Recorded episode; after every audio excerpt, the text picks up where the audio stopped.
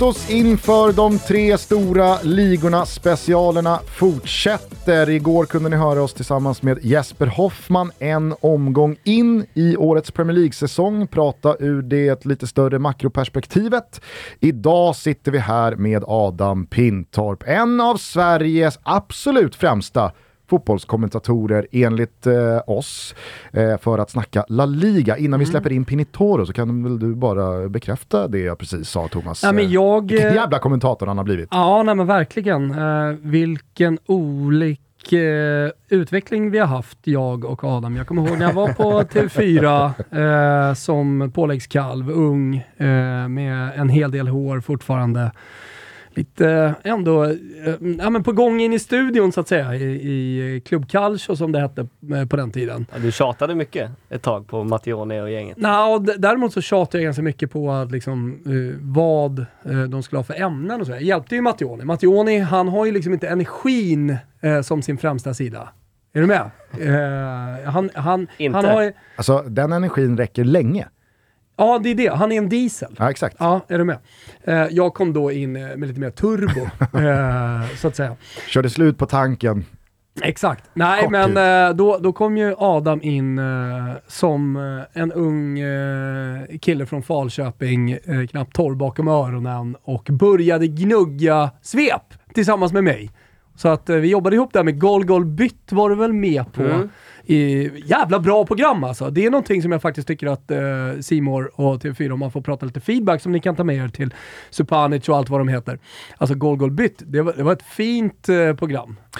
Innan jag välkomnar Adam eh, definitivt till avsnittet och vi ska snacka La Liga så kommer jag bara att tänka på nu när du pratar om dina tidiga år på TV4 eh, att eh, det var så jävla roligt när ni körde en satsning kring Serie A-matcherna eh, spelmässigt så kom du med speltips ah, inför och i halvtidspaus. Och så kom jag så väl ihåg en match mellan Inter och Udinese mm. som då eh, hade tickat 0-0 första 45 och sen så när eh, kameran då släppte tillbaka till San Siro innan då Husfeldt, eller vem det nu var som kommenterade. Kan ha varit Pärlskog. Kan ha varit Pärlskog. Så släppte man in då Thomas Wilbacher med Längtade ett speltips. Längtade till handbollen i Tyskland gjorde han ofta i paus. Och då körde då Thomas eh, från då eh, kommentatorsposition en snabb analys varför han spelade som han gjorde gjorde, spelet har sett ut si och så här under första halvlek, ja. så att jag kommer spela Inter minus ett och ett halvt och på det lägger jag 9000 kronor. ja, det, var så... det, var så jävla, det var så jävla fräscht med så otroligt höga insatser. Det var, ju... det var inte bara spelrekommendationen i sig, utan det var också insats. Nej. Och på det här lägger jag ja, 9000 var... kronor. väldigt specifikt också, varför, var... varför, varför gick det inte upp till 10? Jo men, jo, men units och, det var, liksom, det var spel professionellt på ett jävligt bra sätt. Ja, ja, men sett till reglering regleringen, spelregleringen och vad man får säga och inte får säga, eh, så var ju där verkligen en svunnen tid. Och det var ett samarbete med Football United som Exakt. jag gjorde med eh, Anders Ström eh, bland annat. Eh, Daniel Olenklint var med på det projektet också, där vi hade speltips och sådär. Lyckades få in det då. Och eftersom jag ändå var på TV4 tänkte de, då kan han kliva in i kommentatorsbåset jag kommer och, inte ihåg det här och, och, och köra. Nej, men det var för att du hade, var, du var hade det, var inte det bara riktigt under börjat. en kort period eller var det... Ja, det var... Eller under en hel det, säsong?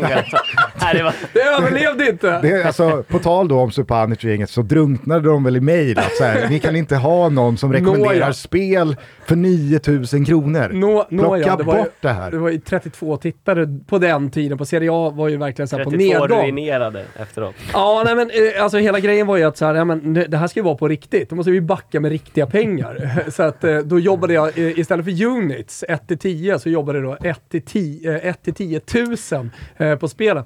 Och det var ju under period när inga av de här, alltså det är svårt att sitta liksom och live-spela när du måste. Alltså mm. du, du plockar över dem du, du i den matchen där du känner för. Men här var det liksom bestämt sen innan. Här ska det livespelas. Här ska det vara tusen lappar. Och på det här spelet lägger jag 9000 kronor. Och sen så Pärlskog, jaha. Jag fattar ingenting. Jaha. Jaha, ja, så här framtiden ser ut liksom. Ja. Jag är också nyfiken på om det, om det gick in. Minns du det? Jag tror faktiskt Inter vann med 3-0. Ja, ja, just den matchen. Ja. Och sen så var det, var det ju matcher Imponerande. såklart som inte gick in och folk, eh, de 33 som tittade undrar vad fan det var som pågick så att säga. Med detta sagt så konstaterar vi väl att eh, fotbolls-tv-landskapet ser annorlunda ut idag, både vad gäller eh, spelläggande men också kommentatorsmässigt. Eh, för du är en av de främsta, det tycker vi verkligen.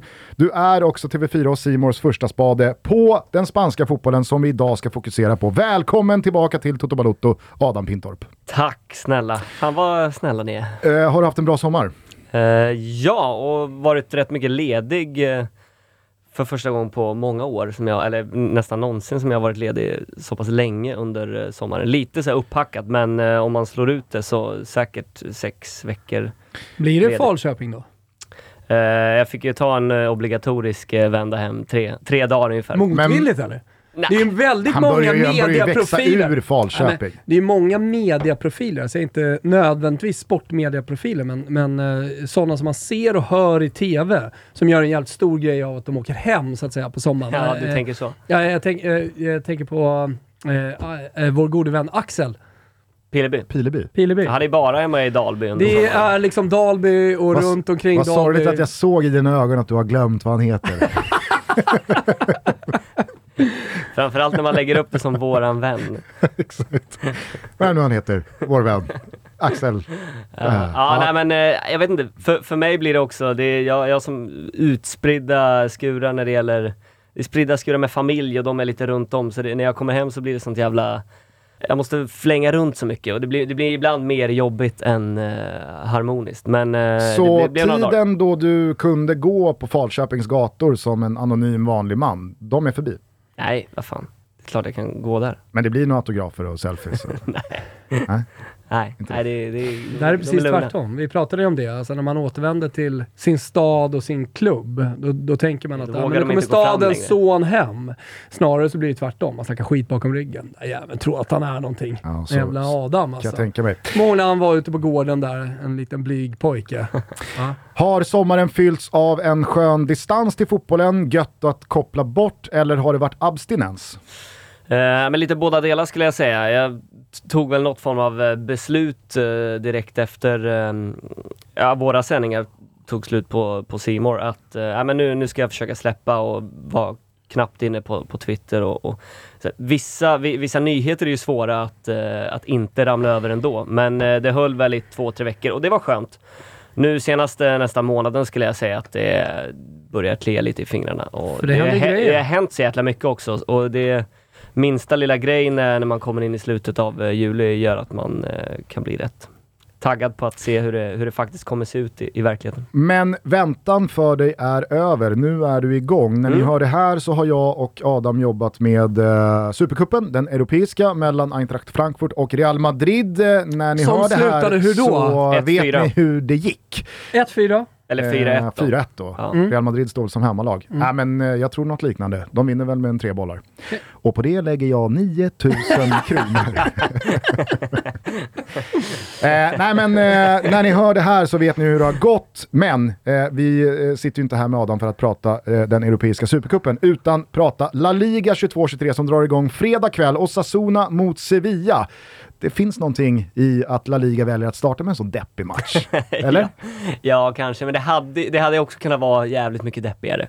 Så är det Eh, Så är det. Så att jag tycker att ha, ha ett lag som ändå slutade topp fyra som drar igång är väl okej ändå. Eh, Men eh, det hade väl också kunnat vara något sexigare. Vänder man på det, Sevilla och Sasuna, så hade det ju direkt blivit eh, en annan sak. Då hade du inte hatat att få inleda säsongen med ett rullande R när Nej, vi ska till en viss eh, arena. Eh, men nu är det Pamplona som gäller. Mm. Fredag kväll 21.00. Ja, ja.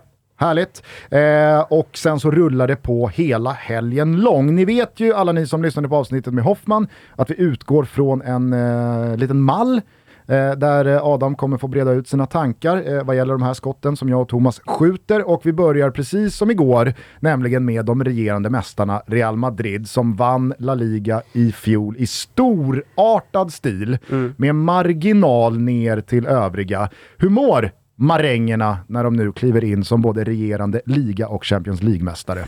Ja, de mår ju, de mår ju alldeles uh, utmärkt. Uh, och det är väl man kan välja att stå på, på det ena benet och tycka att ja, de har förstärkt eh, jäkligt bra med, med Chouameni och med Rydiger framförallt som jag tror kommer bidra med rätt mycket till eh, den här backlinjen, framförallt då i, i bredd och som gör att de inte är lika sårbara om eh, någon i det där mittlåset skulle gå sönder.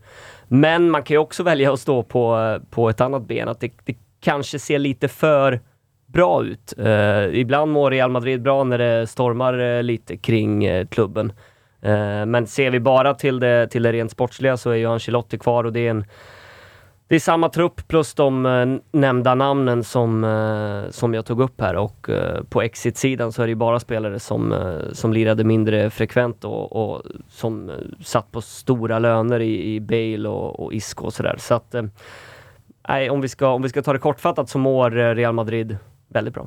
Vad är din eh, magkänsla Thomas kring eh, Real Madrid just eh, att man har gjort lite sådär lagom mycket. Eh, att man kliver in i harmoni, det har inte varit något tränarskifte, man kommer från en säsong där man eh, ja, men, överraskade alla, i alla fall i Champions League-spelet då, genom att gå och vinna. Eh, men att väldigt mycket av startelvan är samma lika. Ja, nej, men risken är väl alltid när eh, ett lag kommer från en sån succésäsong att eh, man går in med eh, förväntningarna då att det, det, ska upprepas.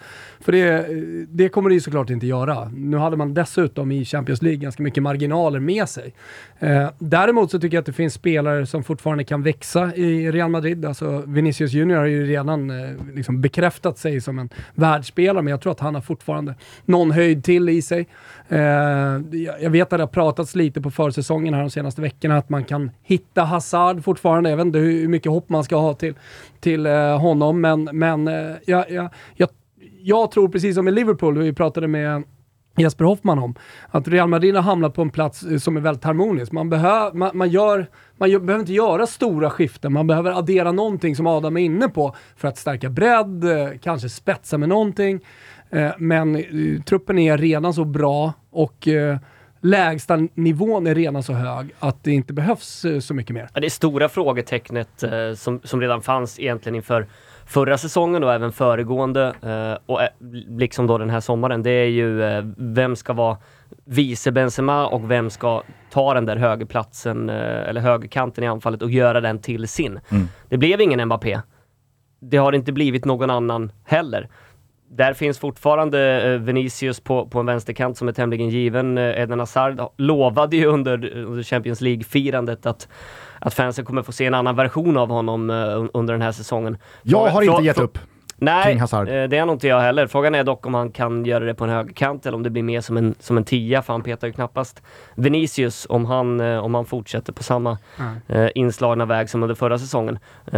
Men det, om, vi ska sätta ett stort frågetecken, eller det enda egentligen, det, det är väl, det är väl Karim Benzema och hans betydelse. För de matcherna där han saknades, eller Clasico 04, det var några matcher i övrigt i ligan då de de experimenterade med Asensio, med Luka Modric, med Rodrigo. Det var, det var några spelare som gick runt och spelade i den där eh, nummer 9-rollen, fast i en helt annan typ av nummer 9-roll. Alltså när, när Luka Modric gick upp så flöt ju han omkring som en jag vet inte, som, som, som Messi gjorde i stundom i, i, Barcelona, men då hade de inte heller djupledshotun med, med, med övriga ytterforwards. Jag tycker också det är kan... väl någonting som, som de måste, egentligen tycker jag, identifiera. Att, går Benzema sönder, så det är jäkligt sårbart för, eh, för Real Madrid. Och det, det, är väl den, det är väl det stora problemet och farhågan inför säsongen. Ja, nu har man ju till och med släppt Luka Jovic. Alltså nu finns Precis. inte ens en ifrågasatt vice Benzema kvar bakom honom. Jag skulle bara säga det att jag tycker man Finns också... några veckor kvar på fönstret, eh, lilla disclaimer. Absolut.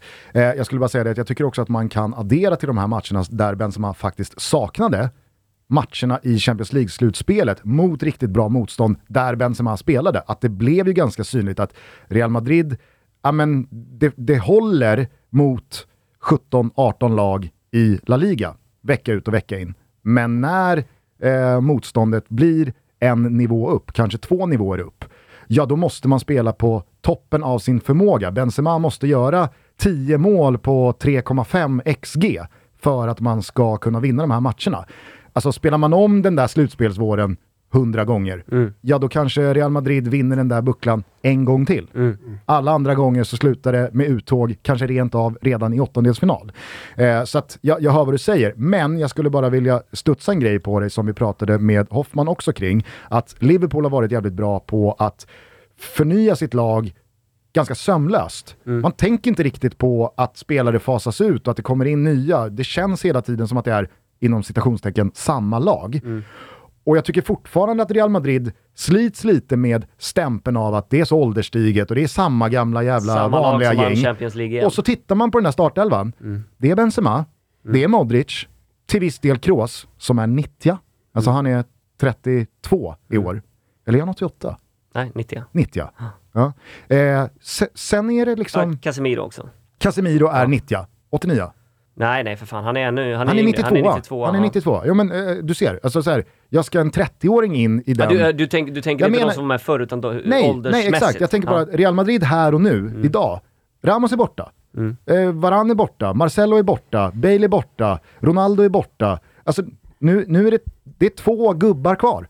Mm. Sen så är det ju liksom ett lag som rent åldersmässigt inte på något sätt är anmärkningsvärt gamla. Nej, och det, var- man pratade också om, om just den där eh, gyllene mittfältstrion när de vann Champions League nu igen, att de, att de vinner med samma lag. Men det var rätt många som vann Champions League för första gången som var startspelare. Courtois, eh, det var ja, Alaba då i alla fall i Real Madrid, Militao, Mondi. Mondi, Vinicius, eh, Valverde, Rodrigo som spelade en stor roll under slutet. Alltså, Ja, ganska och många väldigt nya många som gjorde det för femte in. gången, de gjorde det ute i marginalen som Precis, gubbe 18 precis. nu. Så att, eh, ja, men, eh, håll med mig om att Mm känslan och bilden och stämpeln kring Real Madrid är att det är samma gamla veterangäng som tuffar vidare, men att man har slussat ut de här spelarna på ett jävligt bra sätt. Mm. Och det är väl eh, precis det man eh, försöker göra här nu på, på det där mittfältet. Eh, det känns ju redan nu som att de hade kunnat byta ut alla tre och det kommer in en ny trio som är tillräckligt kompetent för att ta Real Madrid väldigt långt då. I, i Valverde, Chouameni och Kamavinga.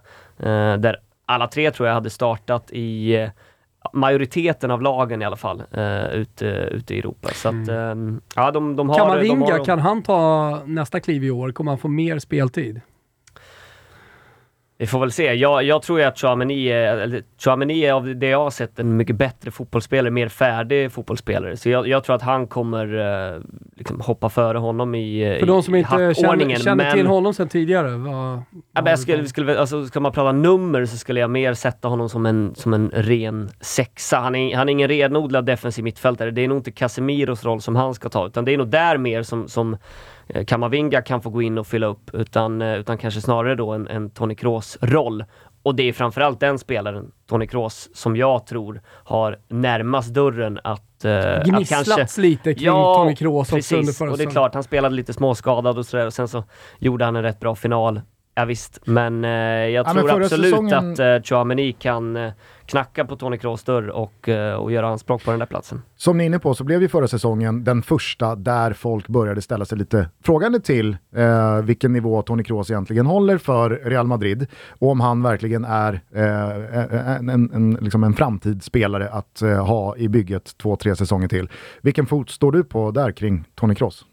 Ja, men jag tror väl egentligen att det här kan vara sista svängen, men det har jag trott nu några år. Eh, det är lite samma sak som med Luka Modric. Mm. Eh, nu har ju han eh, åldern emot sig på ett annat sätt och han förlänger ett år i taget och vi får väl se om det blir någon fortsättning efter det här. Det har varit ett tydligt mål då för, för Modric att spela VM eh, och vi får väl se hur, hur motiverad han är efter den här säsongen. Det här blir nog sista. Möjligen att Real Madrid gärna vill att någon av dem är kvar i liksom överlappet innan alla andra ska, ska skolas in. Så att, eh, jag tror att han sitter på kontrakt till 2024. Det är väl inte omöjligt att han spelar ut eh, Kroos och är kvar ett par säsonger till. Eh, och det tror jag han håller för. Som du sa, han är 90. Det är, det är ju ingen, det är ingen ålder. Nej, verkligen inte. Nej, inte numera. Eh, som Thomas nämnde så är det ju några veckor kvar av fönstret. Vad förväntar du dig av dem eh, för Real Madrids del? Jag förväntar mig eh, ingenting. Eh, jag, tror att de, jag tror att de är färdiga. Eh, Men varför tar man inte in en Luka Jovic, liksom liknande Nej, jag, eh, gubbe att ha bakom Benzema? Varför? Frå, frå, frå, fråga mig inte. Ehm, och de verkar inte ha gått för så många heller. Det har snackats lite om uh, Raúl de Tomas, men jag tror också att det är svårt att hitta. De hade behövt en, en, en Jovic som var 34, alltså en Edin Dzeko-typ, för att ta in en ung spelare som aldrig kommer få lira. Svårt. Annars får de ta, ta in någon spelare som eventuellt kan lira även på en kant för att kunna få lite speltid där. För att ta in en renodlad nia Alltså, det är som, som Jovic, jag tror att han hade en start på 30 plus, 13 liksom. inhopp och då, inhoppen är inte mer än uh, några minuter i taget. Uh, lite svårt att uh, identifiera vilken spelare de, de skulle kunna gå för också. Men det måste ju samtidigt finnas en uppsjö av ganska dugliga nior som skulle Ma älska att signa ett treårskontrakt eller ett tvåårskontrakt med Real Madrid och sitta bakom Benzema och få sina inhopp, få kanske 6, 7, 8 starter i alla tävlingar på en säsong och vara med i det laget. Lämna något mittenlag i någon annan liga, eller? Men det svåra är om det ska vara en tillräckligt bra spelare som går in och ersätter Benzema, om det verkligen brinner och det är en kvartsfinal i, i Champions League. Eller om det är en spelare som inte riktigt Ancelotti tror på. Då kommer han ju ändå spela en Asensio eller en Modric i någon annan typ av uh, roll. Mm. Så det är ändå lite lite frågetecken för vilken typ av spelare som, eh, som accepterar en sån roll.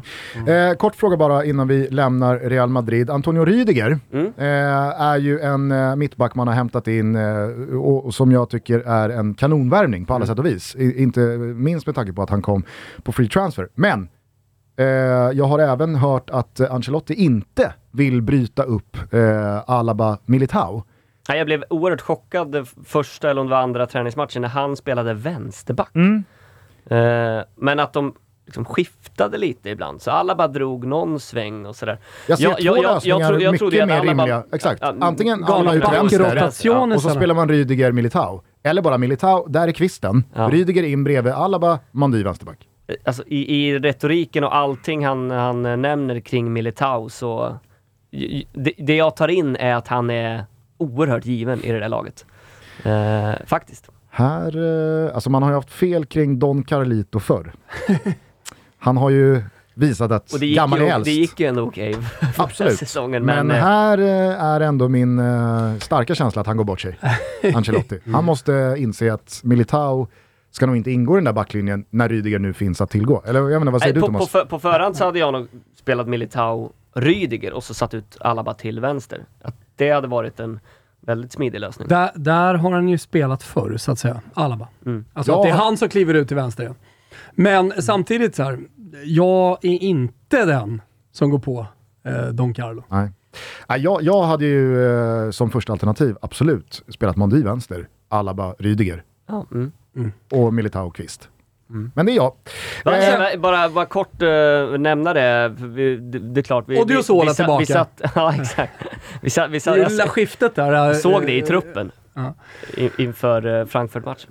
Odiozola tillbaka. Ja, Odiozola är lite som Borja Valero, även om de är två olika spelartyper. Att det är så här, svinbra spelare i Fiorentina. Alltså till och med, i, ja, ja, 100 procent. Precis som Borja gjorde. Men eh, inte i Real Madrid. Nej. Utan det är liksom, ja, ett hack ner han ska vara på, eller två hack ner kanske.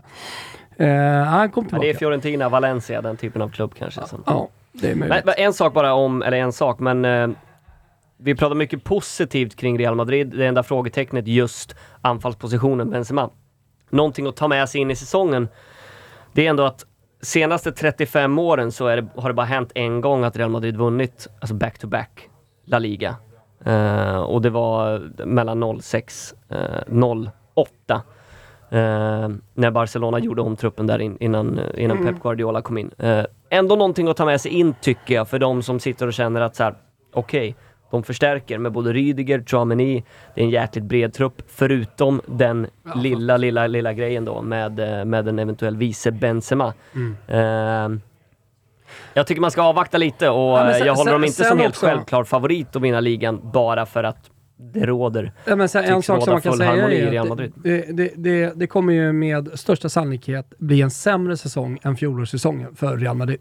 Ja, Ja, och jag tycker också att man ska ta med sig in bättre. och komma ihåg eh, i den här säsongen att förra säsongen startade med att Barcelona vinkade adjö till titelracet tidigt. Mm. Atletico Madrid likaså. Mm. Alltså, Sevilla hängde med ett tag. Men det, jo, var, men, men det var fel lag. Ja, men ja. alltså Real Madrid hade ju vunnit ligan i oktober, mm. om vi ska vara ärliga. Och ja. där kommer vi inte vara i år.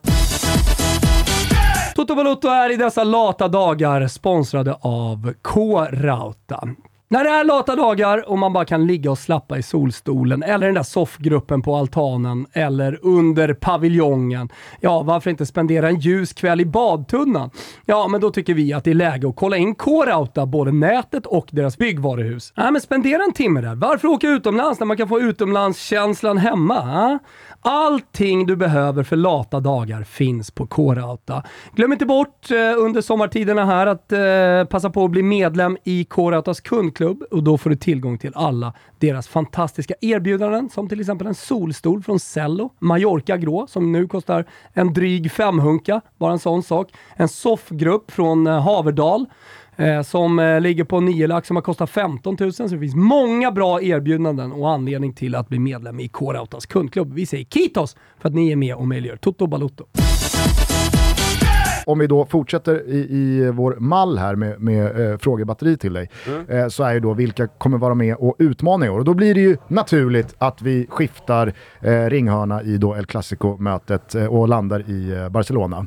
Där har det sannoliken hänt grejer den här sommaren. Ja, det får man säga. Kan vi bara Eh, börja med att summera vad som har hänt? Ja, alltså du tänker spelare in? Japp. Eh, och kanske ut. Ja, eh, rätta Om vi mig hjälps jag... åt så ser vi hur långt vi kommer. Ja, rätta mig om jag har fel här nu då Adam, men i backlinjen så har Andreas Christensen och eh, Jules Condé plockats Ja. in. Eh, får väl se om Marcos Alonso eh, blir officiell här i dagarna, men det är väl bara en tidsfråga. Eventuellt, eventuellt att han kommer, ja. Yes. Vad ska Eh, han in och göra? Nej, jag, jag förstår faktiskt De inte riktigt heller Alba där varför, spelar väl eh, 38 omgångar.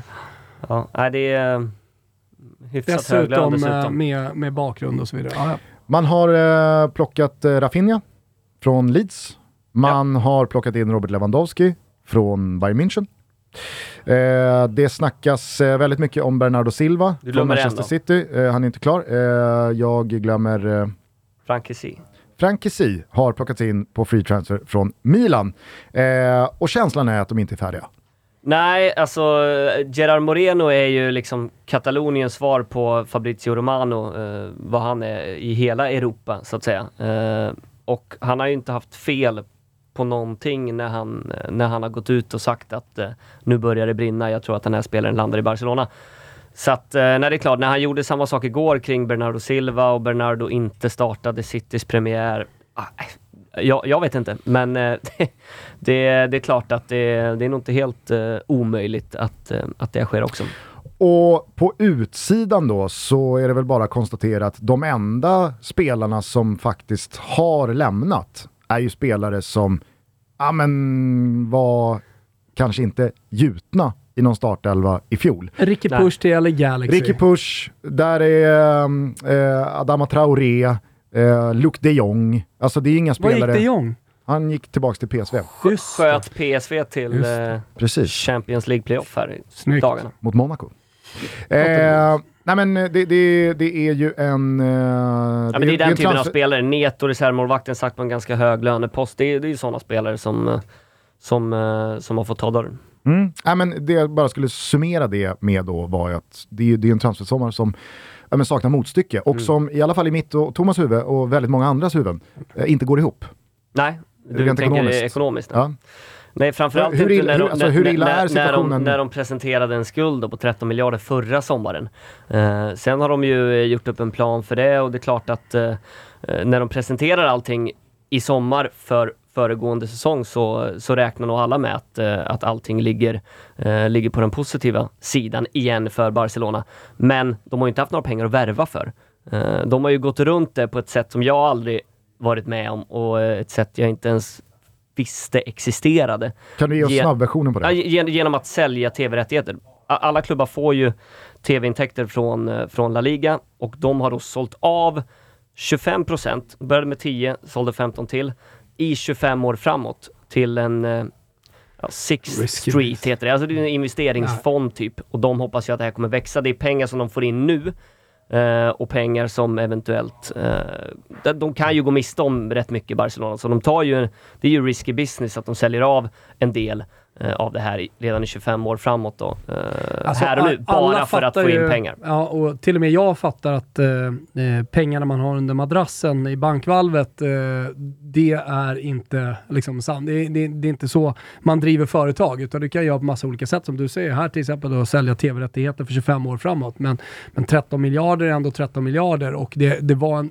alltså en hel höst med total kaos. Och kaos också i Barcelona eh, med ägarbyten och ja, man använder väl liksom den ekonomiska situationen i det här valet eh, som skulle göras till eh, presidentposten och så vidare. Alltså det var väl huvudfokus. Ja, och sen var, väl, sen var det väl nästan det var nästan värre gånger dubbelt eh, än vad Bartomeu eh, sa när Laporta tog in sina, sina eh, ekonomiska rådgivare och bad dem titta i böckerna hur det, hur det egentligen såg ut. Och det var ju också anledningen till att, till att Messi eh, fick lämna exempelvis. Eh, men det var ett, ett nytt ord som, som åtminstone jag har eh, eller jag har fan knappt lärt mig det, jag vet inte vad, vad den rena översättningen är. Men de, de pratar ju om palancas i Spanien. Översättningen på engelska blir lever. Och det är liksom det är inte nivåer utan det är någon form av, om man ska säga nödlösningssteg som de har aktiverat ett steg i taget, eh, Barsas eh, styrelse och det här är ju en del av det. Sen har de ju slått av någonting som heter Barsa Studios som är ska man säga, produktionsbolag, de som står för eh, Barca TV och alla eh, ja, digitala verksamheten. Typ. Hur, eh, Och det är också pengar in som har gett nästan en, en miljard. Så de har ju fått ihop mellan 6 och 700 miljoner, eh, alltså då snackar vi euro, Mm. eh, på, eh, på den här sommaren genom försäljning av eh, ja, tv-rättigheter. Man har ju också sannoliken noterat Spotifys intåg i klubben. Eh, numera heter Camp Nou Spotify Camp Nou. Mm. Ligger sådär lite härligt skönt i munnen. Spotify Camp Nou. Eh, det är Spotify på bröstet. Mm. Eh, alltså hur stor skillnad eh, ekonomiskt har Spotifys intåg gjort? För du Mm. nämner inte ens det här.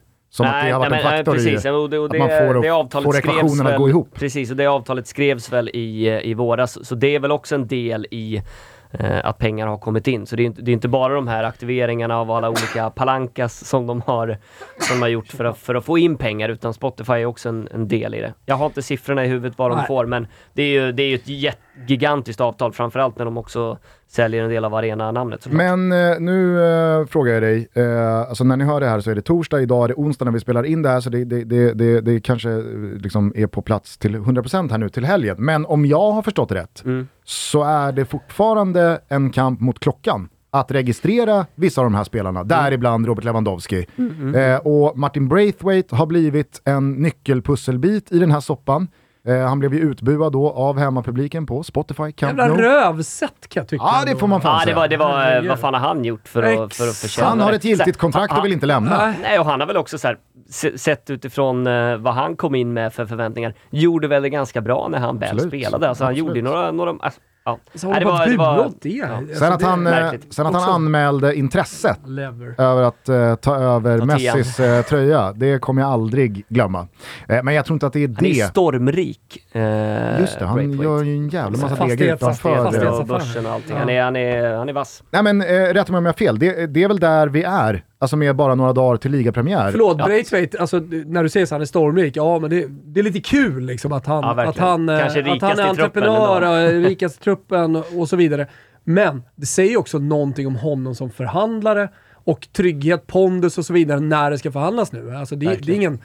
eh, Du sätter inte ner med en fotbollsagent, utan du sätter ju ner med en mega-entreprenör. Mm. Som är van att sitta i bolagsstämmer och så vidare och så vidare och så vidare. Och om vi pratar ren fotbollsspelare, ja men då kan man ju vända på situationen i då hur många nior finns det inte där ute som gärna sträcker upp handen och vill bli vice Benzema i Real Madrid. Mm. Alltså Martin Braithwaite, han vet ju sin förmåga, kapacitet också. Alltså han är ju snarare en Leganes-anfallare än en Barcelona-anfallare. Men nu är han ju i Barcelona, så det är väl klart som fan att han inte tar vilket skit som helst för att flytta på sig därifrån. Han vill väl vara med i den här truppen mot alla kamp- titlar som ska, det är en ska lyftas här nu. klock, klockan alltså. Nej, Alltså, jag, jag tror att många blir lite eh, så här, skraja utåt sett för att eh, jag, jag tror också att rubrikerna ljuger lite. Det, alla spelare kanske inte kommer kunna registreras, men jag är helt säker på att några kommer hinna registreras i och med att de nu har, har lyckats bli av med spelare som ja, men Mingesa och Ricky och, och Neto Men det är och så sagt vidare. Lewandowski spelar. Eh, Ja, och det är så här, Andreas Christensen, lite nackkänning och missade senaste träningsmatchen. Kondé har inte spelat mer än några minuter under försäsongen. Det är ganska enkelt att lista ut vilka som går först i den där hackordningen för att ställa upp i en uh, ligapremiär mot uh, Rayo.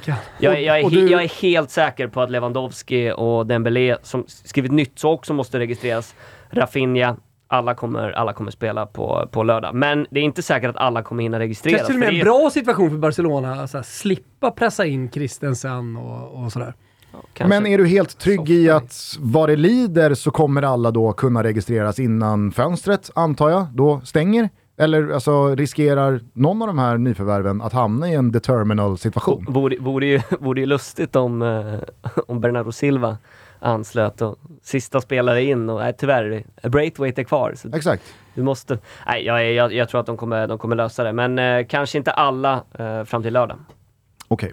Eh, om vi bara fokuserar då lite på... Och vi en- ska väl säga det, det, det har ju med alltså, La Ligas eget eh, Financial Fair Play-tak och liksom lönebudget och strukturen. Det, är- det, det är det det har att göra med. Men hänger den Så ihop då- eh, med så någon då- deadline tillsammans med transferfönstret eller går det att regga Jag, spelare jag tror hur att man, man vill under inte hösten? kan registrera spelare efter att transferfönstret Ja, eh, stänger, utan det, de har fram till 31 augusti på sig.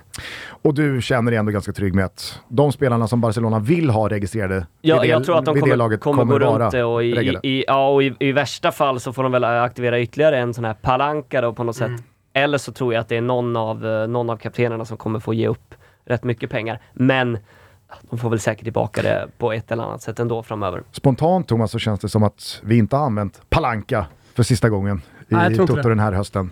Eh, när det kommer till Real Madrid så handlar det ju om ett Härligt fåtal eh, Ah, jag tänker på positioner. Panenka. Det gör man ju, absolut. Eh, men eh, som sagt, när det kommer till Real Madrid då handlar det om ett eh, fåtal positioner. Det finns inte en uppsjö av alternativ till en gala-elva eller någon form av ordinarie elva. Men när det kommer till Barcelona, om man tittar på den här truppen, Alltså det går ju att göra otroligt mycket eh, med en startelva. Eh, hur, hur, eh, Det, vi, det, är så, det är så lustigt när Xavi hade sin första, första officiella matchen som, eh, som tränare när han startade med en 17-åring som heter Elias på ena kanten. Depay spelade på andra och så tror jag att det var Gavi som startade i någon falsk gammal Iniesta vänster ytterroll. Eh, och nu så skulle de kunna kliva in i den här säsongen med Ferran Torres, Aubameyang och Ansu Fati som backup-spelare Mm. eventuellt. Och det är ju spelare som, ja men, det, det är rätt bra spelare. Alltså, har de sin dag så kan ju de lika gärna starta. herregud, Eh, ja. Så att, eh, nej, det, är, det, är ju, det är ruskig bredd och eh, som jag antar att du är inne på, väldigt svårt att spekulera i exakt vilka som, eh, som står längst fram och vilka som prioriteras här. Men vilka är då självskrivna i laget alldeles oavsett eh, tid på säsongen och eh, ja, men, eh, formationsförändringar från Xavi? Uh, ja, Ter Stegen givetvis då i mål. Uh, sen skulle jag, jag skulle nog säga att tre av fyra är rätt givna i den där backlinjen med Kondé in för de summorna. Uh, Araujo kommer spela, Jordi Alba kommer spela till vänster. Busquets och Pedri spelar. Sen är det öppet om den sista. Kommer Bernardo Silva in så är det ju, Uh, jag skulle sätta mina pengar på att han givetvis kommer in och ska, ska, ska starta. Men om det ser ut som det är nu med Frenkie de Jong, med Gavi, med Kessie, då är det nog lite mer öppet och lite mer beroende på, på motstånd och match och, och, och sådär. Eh, vem som kommer eh, spela. Sen tror jag Dembélé och Lewandowski är de som främst är, är givna framåt. Jävlar vad det har gått eh, snabbt i svängningen kring Dembélé. Dembélé. Ja. Det är otroligt. Ja. Från utbuad till en av ganska få spelare som du ändå nämner här, som given när vi ska in i nästa säsong. Eh, vad är din eh, sammantagna känsla då kring eh, Barcelona rent sportsligt? Nej, men det, alltså, de här spelarna ni nämner, det är ju det är alltså Christensen som vann Champions League för knappt ett och ett halvt år sedan. Eh, de plockar Leeds bästa offensiva spelare. En nyckelspelare från, från Det Milan är ju som typ vann. i och för sig Greklands bästa bandylag. Alltså så här, plocka Leeds bästa offensiva spelare. Det är ändå Leeds. Kanske bästa spelare då. Ja. Eh, och en av Milans bästa spelare, nyckelfigur när de vann scudetton i fjol.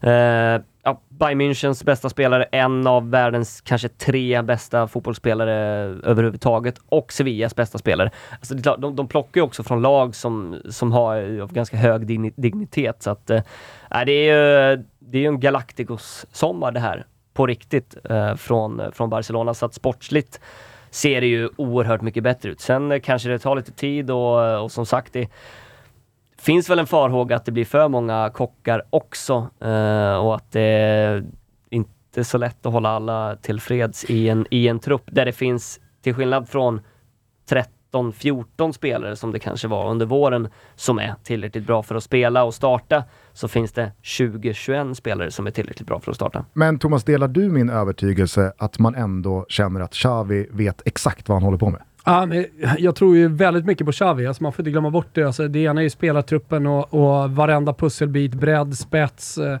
hur ska man rotera och sådär. Men eh, jag, jag, tycker verkligen av de här unga tränarna, före detta fotbollsspelarna som har kommit upp nu eh, de senaste åren, så, så håller jag Xavi otroligt högt och jag tror att han kommer fortsätta att utveckla Barcelona. Det har vi ju redan sett att de är på gång. Men, eh, det finns också det, en otrolig skillnad i om man ska dra parallellen och jämförelsen med, med City, där Haaland kommer in och det känns som att han redan bossar över det där laget på, på ett eller annat sätt, så känner jag inte att Lewandowski kommer in och är självskriven etta i det där laget. Eh, på, på, på, något sätt. Det är klart att han ska spela, men eh, det, det, är inte lika givet att han... Det, allting handlar inte bara om inte om lika mycket som det har gjort eh, under hans karriär. Nej. Nej, Nej men eh, så, så, att egentligen för mig, nyckelspelaren i, i det här laget är Xavi. Och vi snackade lite just om det där med, med Hoffman igår, att eh, Lex Steven Gerrard och Frank Lampard, det går att backa till hur många andra exempel som helst i den moderna toppfotbollshistorien med då klubblegendarer som för tidigt bränner sig på att även kliva in som tränare. Så känns ju Xavi som ja, men, undantaget som bekräftar regeln. För det är ju verkligen en match made in heaven-känsla. Precis på att... samma sätt som det kändes på förhand, som många av eh, andra eh, liknande tränare har gått bort sig på. Ja men precis, och jag hade hela tiden också känslan, eftersom Xavi sa nej, både en och två gånger, jag är inte redo, det är inte dags för mig än.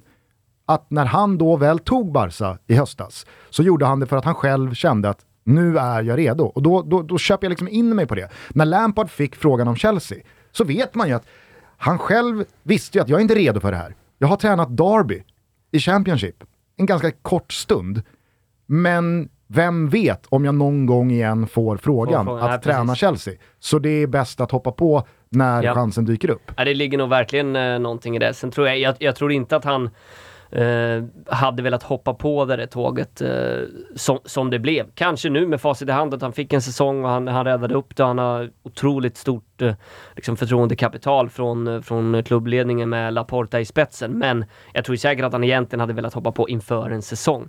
Eh, nu kanske det blev rätt bra ändå och eh, uppenbarligen vill ju spelare lira under Xavi, trots att han bara varit tränare i ett halvår på den här nivån. Han ringde ju Lewandowski han ringde ju Kondé, alltså det var, han lyckades ju övertala de kanske två största profilvärvningarna den här sommaren, som det var många andra eh, klubbar som var intresserade av och viftade med, med, med högre löner Även Rafinha. Och även Rafinha. Så att, eh, han, han, har ju, han verkar ju ha en attraktionskraft i sig och, och de vill, vill spela under Xavi. Om vi nu ska ställa de här två mot varandra då, jag vet inte hur mycket du vill väga in Atletico Madrid i kampen om ligatiteln, men hur mycket ska vi ta i beaktning att Barcelona pre den här transfersommaren och alla de här spektakulära nyförvärven de facto gjorde horhus på Santiago Bernabéu mot Real Madrid ganska sent i våras och vann med 4-0, siffror som hade kunnat vara de dubbla. Mm. Alltså, är det någon fingervisning för dig hur den här maktkampen har jämnat ut sig i slagstyrka? Eller var det en match som Real Madrid lite sket i för att man hade redan vunnit ligan och man hade fullt fokus på att vinna Champions League? Jag tror att det kanske går att hålla båda tankarna i luften samtidigt. Benzema spelade ju inte heller då, de hade Champions League incoming eh, några dagar senare så att eh, de hade nog inte fullt fokus på den där matchen. Det spelade ingen roll att de förlorade för de, de, de hade redan dragit ifrån så pass eh, rejält i eh, ligan ändå. Men det, jag vet inte, det kanske är något incitament eh, att ta med sig in i säsongen ändå. I alla fall för Barcelona, att de efter fem raka torsk i El Clasico ändå vann och gjorde det på det sättet. Jag tror att här, man ska inte underskatta betydelsen inom, inom laget, inom truppen och för Xavi, att han faktiskt vann hans då första, första ligaklassiko, som det väl var ändå. Ja, det måste det ha varit. Men det fanns inte jättemycket kvar att, att rädda på säsongen. Då var det i alla fall lite ett halmstrå eh, som man eh, och det gav, tog med sig för att få en positiv också, känsla. Ja, det gav dem väldigt mycket lugn och ro, Barcelona. För där och då kändes det som att de hade säkrat topp fyra, att de blev tvåa. Mm spelar väl ingen jätteroll i slutändan, utan det var ju att de skulle lösa en topp 4-placering eh, till slut. Eh, men eh, ja, alltså ställer man dem mot varandra så, så tycker jag ändå att det, det, är Barcelona som kommer gå eh, oerhört hårt för en, en ligatitel och kanske mer behöver gå för en ligatitel. Eh, Real Madrid eh, tror jag känns eh, ganska trygga som det är och eh, kanske inte lika motiverade heller att vinna just ligan. Spelmarknaden och oddsättarna har ju såklart, och det är, väl, det är väl logiskt i sig, Real Madrid som favoriter till att försvara eh, titeln. Men jag känner mer och mer att Barcelona är favoriter för Vi mig. sagt ju eh, tidigt här i juli redan, eh, innan Juventus började fippla till det. Jag kikade på lilla trippen här med Juventus, Barcelona och eh, Lewandowski. Men, men eh, jag tror otroligt starkt på Barcelona. Otroligt starkt tror jag att de vinner ligan. Vad känner ni? Ja, jag, jag, Ja, jag, du- jag, sa precis jag, jag jag, tror håller det, Barcelona ja. som eh, favoriter. Ja, jag tror också det. Jag tror framförallt att de har just bredden. Om vi pratar Mm. en icke-existerande vice Benzema i Real Madrid så finns Aubameyang i, i Barcelona som gjorde en helt otrolig Hoppsan. vårsäsong och helt plötsligt ska vara någon ja, men, hoppa in sista tio minuterna. Ja, men som du säger, Eh, okej, det, nu- det, det, det är bredden där, liksom nytändningen Verkligen. under Xavi och eh, ja, men allt de liksom tagit med sig in från förra våren och alla nyförvärv som jag tror gör att, eh, att Barcelona också Men- bör hålla som favorit. Men låt eh, det vara en brygga då. Atletico Madrid, kan de ha någonting med det här att göra? Ja, det tror jag. Mm. De, de vann ju ligan med ett, skulle jag säga, kanske sämre lag. Då hade de ju förvisso Luis Suarez. Eh, men eh, jag, jag tror att de trivs oerhört bra genom eh, alla blickar riktas åt Real Madrid och framförallt Barcelona under den här sommaren och de bara får eh, leva sitt eget liv. Folk pratar knappt om dem som eh, potentiella mästare igen och så gör de eh, begåvade värvningar tycker jag med Nahuel Molina som ska ta, ta hand om den där höger, högerkanten. För de som inte kan honom. Alltså, argentins landslagsman, var med och vann Copa America, gjort fyra säsonger kanske i Udinese. Eh, men ändå Jättebra et, alltså etablerad i Udinese. Det är, det är inte en säsong in här i, i Europa. men det är ju ganska här, etablerad. Mm. Ja, vad tycker du? Vad tror du om- Nej, nej, jag, jag tycker att han är jättebra. Och jag menar, så här, är det någonting Udinese har varit bra på så har det varit eh, att eh, vara tr- trampolinklubb för spelare som har varit där, inte en säsong, och kanske inte heller två säsonger för att eh, använda Gustens språk, utan tre säsonger minst. Kan till och med vara en fjärde Snyggt. säsong som i det här fallet. Snyggt, va? Snyggt. Korrekt svenska. Eh, och sen så blir de också världsspelare. Eh, Alexis Sanchez är en. Ja, men det, det, det, finns, det finns många spelare som eh, under Pozzo-tiden, som nu är 26 år, eh, har gjort den resan. Molina definitivt. Så en smart värvning, en riktigt bra värvning. Och som du säger, dessutom etablerad i det argentinska landslaget. Mer då, för att min bild av Atletico Madrid i fjol var ju att de verkligen föll på att de hade för tunn trupp. Mm. När tre, fyra spelare föll ifrån, som man ändå får räkna med att mm, som de gör under en säsong. Mm. I synnerhet en sån som kommer här nu med ett VM mitt i och det är ett komprimerat spelschema eh, med allt vad det innebär. Eh, så fanns ju inte kvaliteten att hota ett lag som Real Madrid och under våren inte heller Barcelona. Nej, eh, förutom Molina så är det väl egentligen bara Axel Witzel som har kommit in då, som spelat mycket mittback här under försäsongen, men såklart ska, ska in och konkurrera på ett centralt mittfält också. Eh, St- ställer man upp truppen så har de ju två startelvor som är, alltså bo- båda är ganska bra och det, där är det ännu svårare tycker jag att definiera vilka som går först. Alltså pratar vi bara anfallarna så Ja, Felix ska ju såklart spela. Och Griezmann under en, under en hel försäsong nu. Han blev ju inkastad lite eh, ganska tvärt då inför förra säsongen. Jag tror definitivt att han kommer att vara bättre. Och Griezmann blir kvar, för det har ju varit Griezmann väldigt mycket cirkus Han är till och med registrerad nu, apropå. veckorna. Ja, Eh, okej. Så att eh, Griezmann blir kvar. Eh, och sen är det ju eh, Angel Correa som har förlängt. Vi får väl se om, om, om, om Morata ska vara kvar. Men jag, Tre mål på Juve. tre mål på Juve i Derby de la Morata. Mm. Eh, men jag tror ju, det kan jag skicka ut nu, jag tror ju att uh, Matteus Cunha blir deras liksom, striker som gör målen eh, den här säsongen. Han har tagit Luis Suarez nia, överlägset bäst snitt sett till eh, antal poäng eh, kontra minuter förra säsongen. Och då tyckte jag att han fick alldeles för lite speltid jämfört med vad han faktiskt gjorde när han var på planen.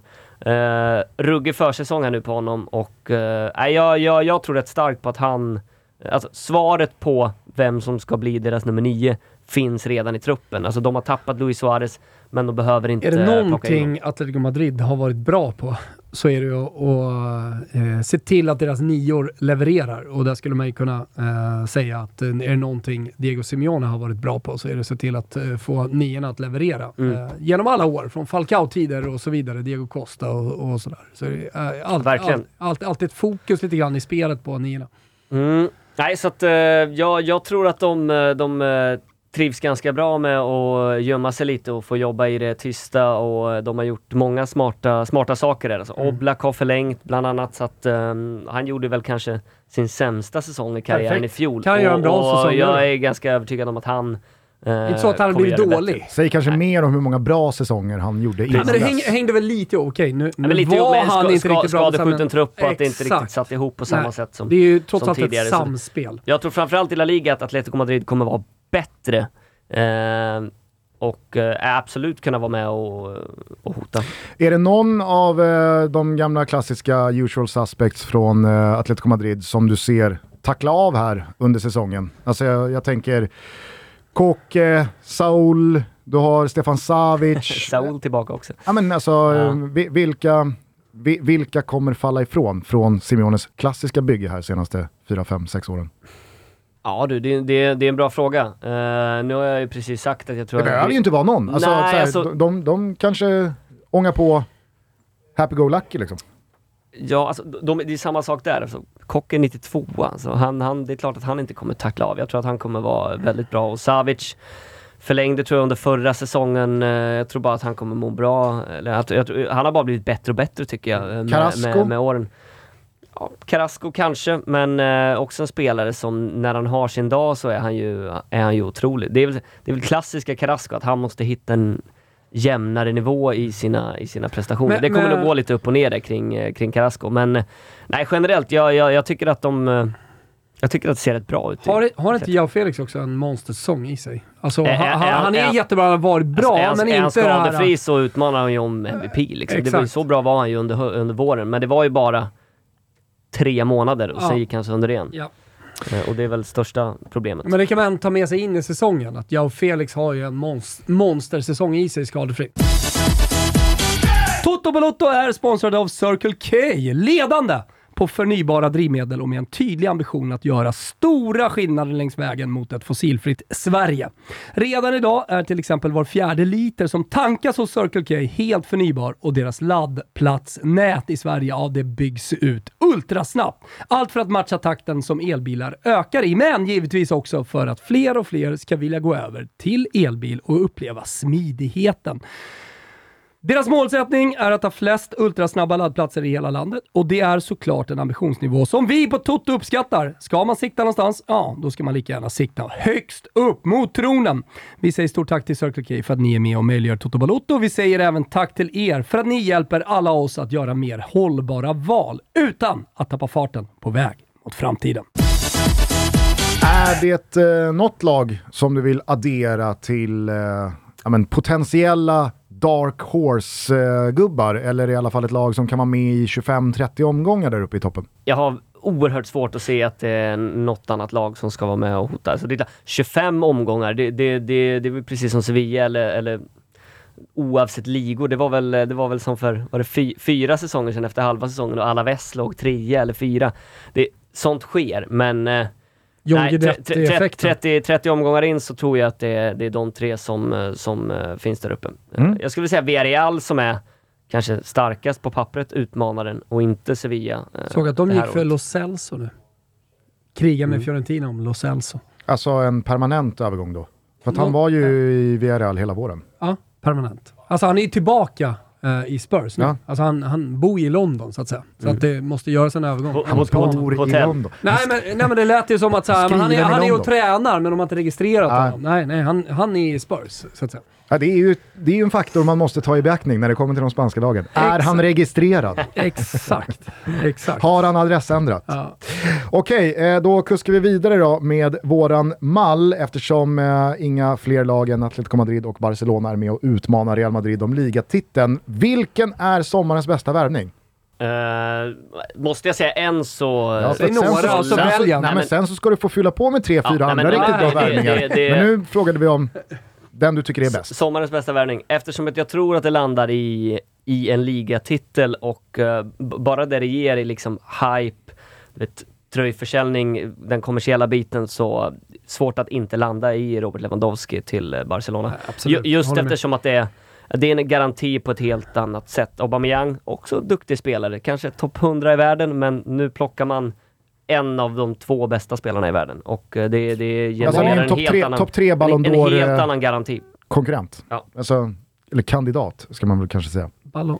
Du med Toto Ballon? Ja, ja, Toto Ballon. Ja, Ja, Alltså, på listan? ja, men Lewandowski har väl parkerat på Toto Ballon hela året. Ja, exakt. Det har ju inte? Aubameyang direkt. Nej, Nej, precis.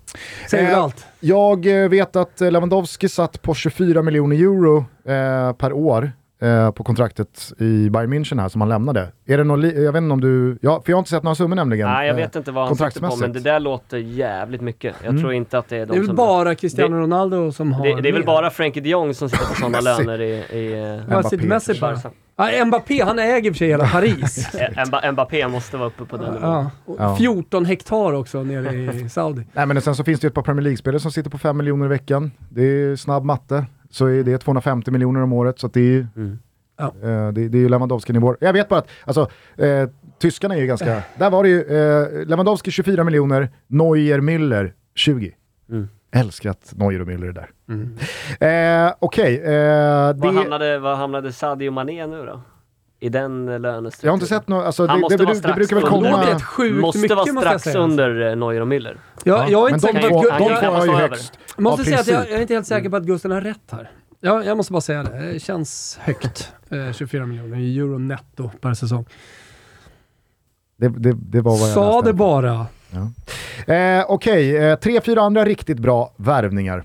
Um, det är roligare om vi tar någon som vi inte har snackat alltså, jag, jag, jag måste säga att, eh, att jag är rätt spänd på att se Isco i Sevilla. Mm. Eh, för eh, han spelade sin kanske bästa fotboll i karriären under Lopetegi i eh, landslaget. Och det är ju uppenbart att det är hans, hans värvning. Och samma sak där, 92 det är ingen ålder. Eh, det är klart att Isco kan ha tre jättefina säsonger här i Sevilla om det, om det vill sig väl. Så att det, det, jag ser oerhört mycket fram emot att se eh, vad han har i sig efter tre, nästan fyra år där han mest varit, uh, varit en spelare som har kommit in i slutskedet av matcherna, om ens det, i Real Madrid. Det kan ju tyckas vara grunt, det kan tyckas vara fluffigt, men jag är ganska intresserad att se hur Isco dyker upp frisyr och skäggmässigt Ja. eh, till Jag har sett det. säsongstart här. Jag har sett det. För eh, så som han checkade ut frisyr och ansiktsbehåringsmässigt sista tiden i Real Madrid. Alltså det var ju, det, det var ju en spelare som visade på alla sätt och vis att jag, jag, jag, jag bryr mig inte längre. Nej. Ska vi, ska vi visa det här då i... Om du nu visar mig en bild på Isco med ansatt skägg och kortklippt, då blir jag jävligt intrigued. Mm. Här har vi det. Oj, oj, oj, oj, oj, han är tillbaks. I Malaga, Malaga Isco. Exakt så. Så ja. Vi lämnar klart. Vi lämnar klart på Isco i Sevilla. Mm. Ja, men det blir kul. Ansatt skägg och eh, klippt hår. Ja, precis, sen kommer det kanske inte räcka till, eh, till topp 4 då. De har ju tappat sitt mittlås där, Sevilla, med Condé och Carlos. Men det är härligt med lite positiva vindar eh, där nere i Andalusien ändå. Så att eh, ja, ja, den ser jag fram emot att, att följa Isco i Sevilla. Eh, en annan värvning eh, lite under radarn måste jag säga. Eh, men alltså en, av de, en av de roligaste och mest sevärda spelarna i La Liga de senaste åren heter ju José Luis Morales. Just det. 35-åringen från Levante, gjort eh, 13 mål här nu. Ett par säsonger i rad. Han har gått till Villarreal. Vad fan var han kallades? El Comandante. Just El Comandante. Commandante. Hatar inte Marcello att säga. Nej. Kviborg gillar också att köra kommandante. Ja, man gör ju bara snygga mål också. Det är en otrolig spelare. Fyllde nyss 35, så vi får väl se vad, vad, vad han har i sig. Men verkligen så här, nästa steg lite på ålderns eh, höst för hans del. Kan han nå upp i, i samma nivå, eller ens närheten av samma nivå, och spela med Danjuma, eh, Parejo, Gerard Moreno framförallt. Alltså det är klart, då, då, då, kan, det bli, eh, då kan det bli kul på, på, på Villarreals matcher. Fint. Eh, den heter ju numera La, Jag, tänk, jag tänkte, La, La, jag tänkte Lasse- landa i kul på El Madrigal, men Ja. eh, kom på att Eh, Ceramica. Ceramica. Ceramica. Eh, men, eh, om, vi, om vi då bara skiftar då från eh, individuella värvningar till lags kollektiva fönster. Eh, vilka tycker du har gjort bäst fönster och i och med det då så kanske du skulle kunna vikta hur du rankar lagen där bakom topp tre eh, inför säsongen. Eh, Börja med fönstren då. Börja med fönstren. Förutom Barcelona som vi pratat så mycket om, givetvis det är ett, oerhört starkt fönster, så tar det ju emot eh, att eh, bekräfta att, eh, att Getafe gjort det överlägset bästa fönstret. Snark.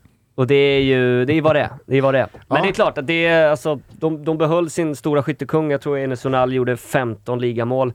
Plockat in Majoral på, eh, alltså permanent. Eh, Luis Mia. Eh, de, de, så, Var det inte lite sorgligt att läsa Borja Majorals avskedsbrev till Real Madrid som Eller- klubb och deras supportrar? jag, läste, jag läste det inte. Nej men det var liksom så här, vem är du? Alltså, har du varit här? Jaha. Jag blev, jag, blev, jag blev mer ledsen när jag läste Gonzalo Guedes efter fem år som storstjärna i Valencia, där han bara skrev “Gracias por, por este años” och sen så inget mer. Var, tack, tack för de här Ja, åren. men Borja Majorals avsked, det var som att han, han har levt i en, en verklighet där han tänker att supporterna till Real Madrid runt om i världen har liksom haft en relation till Vä- honom i Väntat alla de här åren. Han har inte varit där på fyra år. Nej, det var länge sedan. Nej, vad har det varit? Levante ett par år, Roma ett par år eller ett och ett halvt och sen Ja. så Getafe och nej, det var, det var nog fyra år sedan som man, som man var i Real Madrid. Eh, ja, men det, det tar väl emot och det, är- som du säger, det är, det är lite snarkt, lite tråkigt att den, den typen av klubb gör ett, eh, gör ett så bra fönster. Men eh, ja, det är väl samma som, som, som med Xavi då. Det är Kike Sanchez Flores som, som, som lockar kanske. Mm. Men vad fan, eh, Getafe har ju fått smaka på ja, toppkänningen där bakom eh, de, de, alltså, Ja, ja. de absolut eh, främsta positionerna. Så att det, är väl, det är väl inte så konstigt att en sån klubb då vet att det går och att man då satsar eh, vidare mot toppen igen. Men jag antar att du inte håller dem som kanske främsta utmanare till den där Nej. fjärde och sista Champions League-platsen. Nej det är klart att vi har varit inne och snuddat lite vid, eh, vid Sevilla, vid Villarreal. De, de är väl där och ger upp uh, framförallt. Nu får vi se, jag såg rykten om Jeremy Pino att eh, Arsenal hade, hade buntat upp någon, närmare någon halv miljard här. Vi får väl se om han blir kvar eller inte. Eh, men Villarreal tycker jag ser, alltså än så länge så är ju alla kvar. Alltså Pau Torres är kvar, Danjuma är kvar och adderar de bara på med Morales och Gerard Moreno är skadefri så tycker att de har en bättre trupp än vad, än vad Sevilla har. Eh, så att uh, lite, lite smygfavorit ändå på att de kanske kniper uh, fjärdeplatsen. Copa del Rey-mästarna Real Betis gjorde ju en stundtals extremt fin säsong i Mm. fjol. Eh, har de blivit bättre, sämre? Nej men li, lite same same kan man väl säga med att de framförallt få, har fått behålla sin, sin stomme. Guido Rodriguez, deras defensiva mittfältare, eventuellt, ja, det var väl United-rykten bland annat. Eh, de hade behövt honom. Eh, men annars, eh, vi får väl se om han blir kvar eller inte. Det är en viktig pusselbit som, som, de, som de verkligen behöver. Annars har de värvat några spännande spelare som, eh, som vi får se hur de färgar. Eh, Luis Felipe går ju in från Lazio.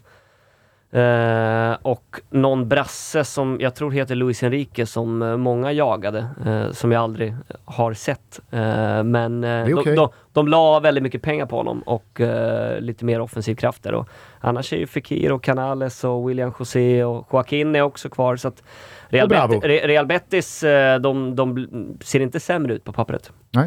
Eh, Men kommer jag, ju också gå starkt i Europa League. Alltså de kommer ju verkligen vilja, vilja gå för det i Ja. Europa League. Så att, eh, ja. Jag tänker också att Pellegrini är någon slags garant Men är för inte Betis att det inte klappas ihop. vad Betis alltid är? Eller har varit de senaste säsongerna? Den Betis. här säsongen också? Jo, eh, men om de ska vara vad, vad de är historiskt så skulle det ju lika gärna kunna bli en säsong Nej, där de landar på de 17 senaste- plats. ja, men, nej, men nu, nu känns det ju lite som. Gusten är inne på. Jag tror Pellegrini är en helt annan garanti för att Ja, ja. eh, De, de, de, de ska ju egentligen vara topp 6. de skulle kunna bli 8, Ja, de skulle kunna bli då. 4. Men Mm. ja, de är, de är där uppe och, och nosar. Och Joaquin äh, ångar på en säsong till. En säsong till. Är han och, han och Ibra. med. Till att börja med. Mm. Vi får väl se. Eh, härligt då. Villarreal eh, får gälla då som förhandsfavorit till eh, fjärdeplatsen. Ja, vi om jag får tolkar se- dig rätt. Får väl säga någonting då om Real Sociedad också med, med Isak där som går in på fjärde, fjärde säsongen. Uh, byggt om lite offensiven. Eh, Vad, vad landade de förra året? de landade, de blev, eh, de blev En femma? Nej, de blev sexa tror jag. De blev Sexa, sexa. ja. Be- Betis blev femma. Ja. De blev sexa. Så Europa League för deras del? Europa League för deras del, där de givetvis också kommer, kommer satsa mycket, men eh, byggt om lite i truppen där med Porto, Janusaj ut och de har värvat Bryce Mendes Tog in. Janusaj och- vägen? Tror inte att han har någon klubb jag kan klar. kolla. Inte- Han bor i. London. Men han bor i Det är London. liksom den nya sägningen för klubblösa fotbolls... Eh, Vad är det då? då? Crystal Palace kanske? Men... Eh, Fan, var, var, varför hugger inte en klubb som Napoli typ på eh, Janusaj. Janusaj? Ja, jättebra. Bra. Eh, Ring... Eh, vad är status på Oyarzabals eh, konvalescens? Finns det Eh, några rapporter? Ja, men jag, jag vet inte exakt när han är tillbaka. Eh, han drog ju korsbandet. eh, Manchester ganska United ti- boss Erik Ten Hag has his very own uh, Adnan Januzaj uh, story ahead of Brighton clash. Kanske landar i, United till- då. Tillbaka i United. Everton ser jag också eh, är där, rycker lite. har väl varit, eh, varit rimligt kanske.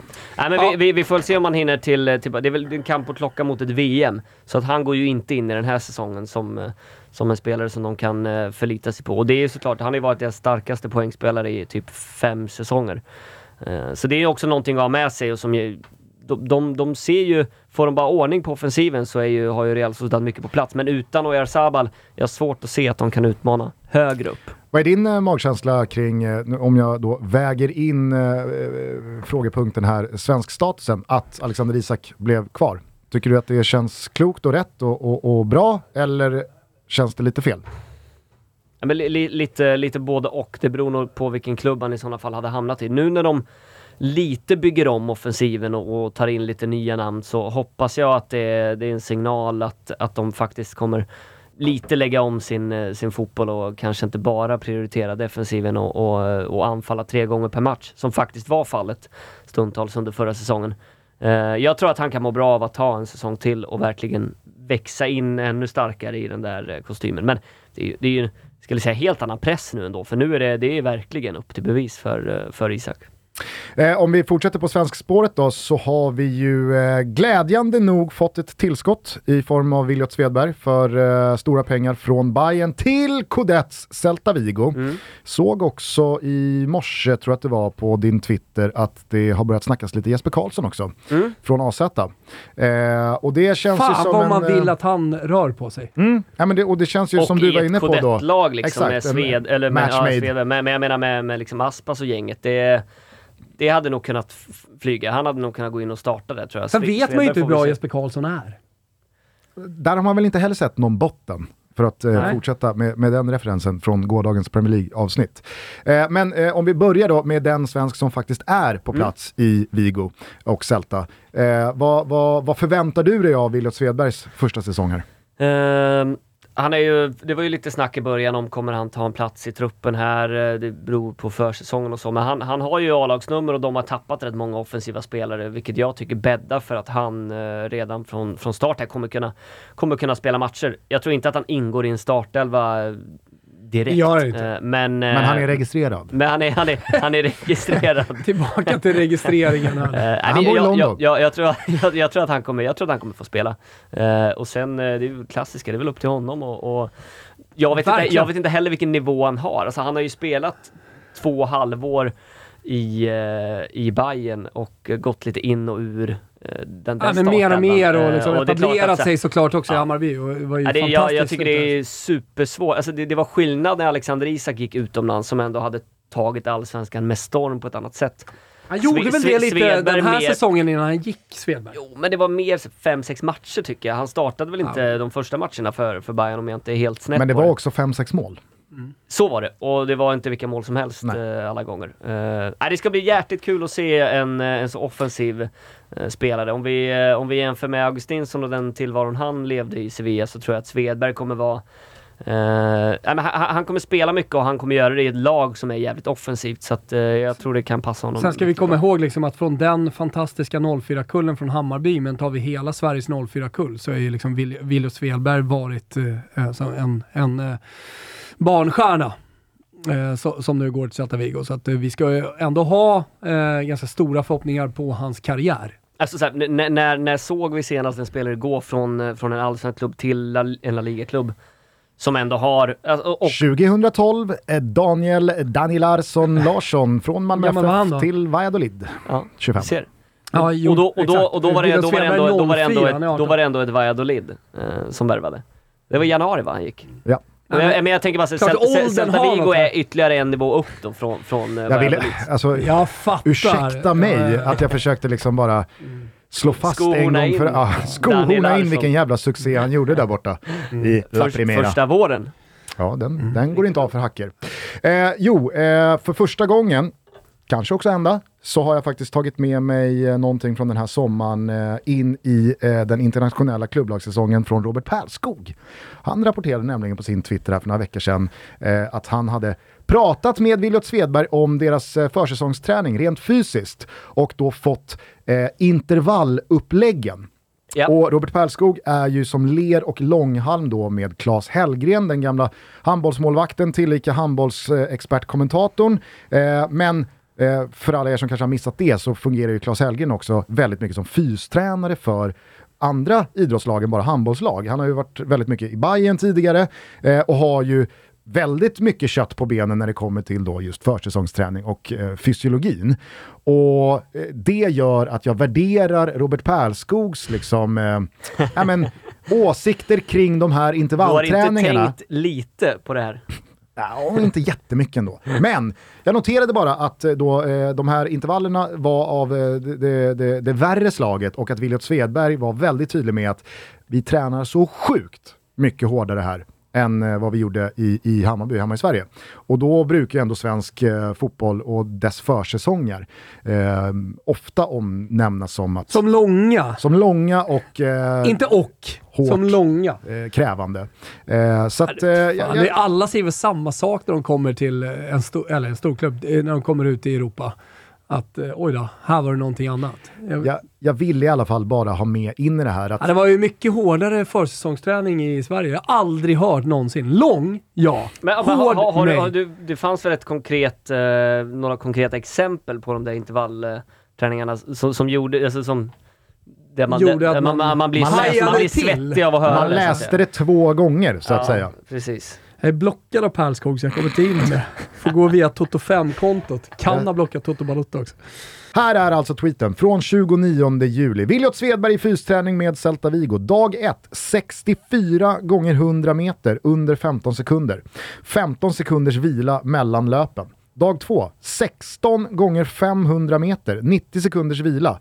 Någon som tror att allsvenska klubbar sig lika hårt. La Liga rankar nummer 2 av Uefa, allsvenskan rankar nummer 23 av 55, San Marino sist. Lite bonusinfo där från Pärlskog. Alltid uppskattat, men det här är ju Alltså det, det, det, det, det är en reach kanske att liksom göra ett nummer av det här. Det jag bara ville landa i var att är det någonting som man har sett på Williot Svedberg under tiden i Allsvenskan så är det att det finns ju en fysisk utveckling kvar att göra. Han är inte färdigvuxen, han är ju fortfarande ganska lång och gänglig, ganska få kilo muskler. Kan Kodett eh, addera lite lungor, lite styrka, lite power, eh, då eh, kan byggas ett monster där nere. Nej, Och sen, sen, så jag tror inte man ska underskatta det faktum heller att han har bott i Spanien och uh, nailade ju alla första intervjuer på, på, på ganska bra spanska. Så att så sätt så lär det väl vara ganska för, för, bryggan till- fördelaktigt ja. för honom att eh, ta sig in i liksom, det spanska livet för han har redan upplevt det. Eh, det är ju, ja. Men eh, vad, vad landade du i, i förväntningar vi ska ha på honom? Jag jag förväntar mig ändå att han kommer spela alltså, 25 plus matcher i, i La Liga den här Mm. säsongen. Eh, sen Kanske inte han, start, eh, kanske han utan, inte kommer starta, men jag, jag, 20 jag räknar med att det här blir en, eh, blir en säsong som han successivt ska, kom, kommer få sina chanser. Och för de som inte följer Celta Vigo slaviskt säsong ut och säsong in, att de köper en spelare för 50-55 miljoner, alltså vad är det för värvning för en klubb som Celta Vigo? Ja, det, det, det, är ändå, det är ändå en hel del pengar, även om det är... Lägger till hans ålder där också. Ja, om vi lägger, precis. Om vi lägger, om vi lägger till hans Alltså, ålder så är det, det, det, är en- det, är en- det, är en rejäl, Mm. det är en rejäl investering inför, inför framtiden, men de har, de har lagt värre summor också. De kommer inte gå under om Williot Svedberg inte blir den de, de hoppas på. Nej. Eh, Men eh, det är klart, man lägger inte 50 miljoner om man är Celta på en spelare som, som man inte tror på och inte har en plan för. Avslutningsvis så kanske vi bara ska säga att vi som ändå hoppades på Omar Faraj eh, kanske får börja ge upp, i alla fall La Liga-drömmen. Nu landade han ju i det, blev ju Degerfors. det blev ju eh, tre minuters inhopp där i sista Mm. omgången, så att han fick ju den på meritlistan i alla fall. Men, eh, ja, Men nu är han nej, på Stora Valla. nu är han i Degerfors. Ja. Eh, I övrigt så är väl det svensk. Det är väl Spåret. svenska intresset. Sen får vi se vad som händer med, med Jesper Karlsson eh, Ja. eh, helt enkelt. Just Men eh, vi håller tummarna. Det vore ju kul också om han landade i just Celta Vigo, Celta Vigo att det blir en liten Jag känner också. svensk klubb där. Mm, viktig start här nu för Isak alltså. Mm. Riktigt viktig start alltså. Tänk om han får göra mål i de tre första matcherna. Mm. Då, då, då kan det bli så som man hoppades att fjolårssäsongen skulle bli. Mm. Men det måste vara 15 mål i år. Eh, Okej, är det någon av eh, de tre nykomlingarna som du är lite extra peppad på? Då kanske du bara ska, till att börja med, rabbla de tre lagen som anslutit till La Liga. Eh, ja, Valladolid, ett år i sejour tillbaka. Eh, tillbaka är även eh, Girona, det var väl inte så många, många eh, säsonger, tre kanske där nere. Eh, och sen Almeria som är, det är väl den mest spännande nykomlingen i och med att de har ja, saudiska ägare, satsar ändå på att eh, verkligen etablera sig eh, och eh, har varit med där uppe i toppen eh, under rätt många år. Så att jag tror Almeria på förhand kanske eh, Har de gjort laget något som sticker ut eh, som du tänker på? Eller det bara Nej, så bra inte, inte i sportchef- Nej. värvnings, värvnings så. De har plockat in väldigt många unga De har inte gjort som spelare. så. Newcastle. Nej men de, de har ändå så här, det, det känns, de har, de har plockat in en uh, U-landslagsman från, från brasilianska ligan, vilket känns så här udda när man har pengar att kunna, kunna spendera på. Så jag, jag, jag känner att Almeria, i och med att de vann och var väldigt bra i segundan i fjol, eh, kanske, ja men då, de, de gör inget förhastat här utan de, de bygger lite mer långsiktigt. Eh, det här är alltså saudiska ägare, punkt. Och inte då Saudiarabien. det, är- det är inte Newcastle. Nej men det är inte Public Investment Nej. Fund. Nej. Alltså Nej, det är en, Saudiarabiens Sau- det är en stat. saudisk, eh, det är väl någon oljeshejk typ. Ah, Eh, jag fattar. Eh, men eh, då, då låter det som att du tror att Almeria är bäst rustade för eh, La En, Liga. an, en annan rolig grej, det är inte så kul, namnet är lite halvkul, men eh, det är jävligt deppigt för de har ju kanske La Ligas vackraste arenanamn. Det heter Juegos Mediterraneos. Översätter man det som mm, ja, men medelhavsspelplatsen typ. Eh, men ska nu då, eh, de, har- de har blivit, det, det är något, jag vet inte vad det är, Power Horse ska i alla fall arenanamnet vara. Det är Är ibland, och det är ibland det sjukaste. kuse, Nej, men, eh, ja, ja, exakt. Vet du vad det är? Nej, nej, jag, jag skulle bara säga det. För, jag, för jag, jag antar att det är horse, alltså hästar. Ja, ja. Inga andra. nej. Det hade varit magstarkt. Magstarkt arenanamn. Power horse. Ja. Ja. Men det är klart att det, det, det, det går åt fel håll. Ja, det är eh, tråkigt. Med, med arenanamnen i Spanien, det hör ju jag. Också hör till. Men det hör väl till och eh, ändå att Almeria kan, eh, kan få loss lite stålar där. Nej, ja, vi får väl hålla, hålla, hålla utkik där, men ja. Men svaret på min fråga då, eh, Almeria är bäst rustade, känner du, av de tre nykomlingarna? Ja. Härligt. Eh, och så kan vi väl bara påminna alla de som har missat det att eh, Ronaldo, alltså den riktige Ronaldo, fortsatt är president i Valladolid. Mm. Mm, härligt. Eh, ja, Välmående igen. det får man säga. Mm. Såg en bild i Gazettan här nyligen. Det får man säga. Vilka lag är du lite orolig för? Vilka kommer befinna sig där nere i bottenskiktet? Så K- Cadiz måste ryka. Eh, det, det är dags. Eh, Det har jag satt 9000 kronor på. jag skulle faktiskt kunna sä- sätta ni, 9000 på det. Okej. Nej men jag, jag tror Cadiz, eh, de, de, de, har, de har haft sån flyt i eh, hur de har lyckats hålla sig kvar här under de senaste åren. Jag tror eh, Mallorca också får det, får det tufft. Plus då nykomlingarna Valladolid, eh, Girona, Elche ska väl också... Alltså, det, det, det, det är ju... Det är, The de, det är exakt de lagen man tror som Ja. kommer eh, slåss där nere. Patrik Mörk tappat sin VIP-loge på Elches arena tyvärr. Annars Ja, hade men det, det, det är några som har lite, mer, lite etablerat Tappade sig för min snabbt, USP. Liksom. Espanyol och Sassuolo. de- Det är ju alltid så i början av en La Liga-säsong, när man bara tittar på tabellen. Det är alltid svårt att eh, ringa in de tre nykomlingarna. Vilka är egentligen Ja. nya här? Ja, faktiskt. Exakt.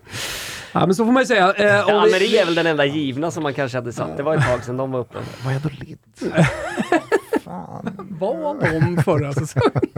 Jag tycker det är samma sak i Premier League. Norwich, var de uppe eller var de inte? Gick de upp eller var de uppe? Ja.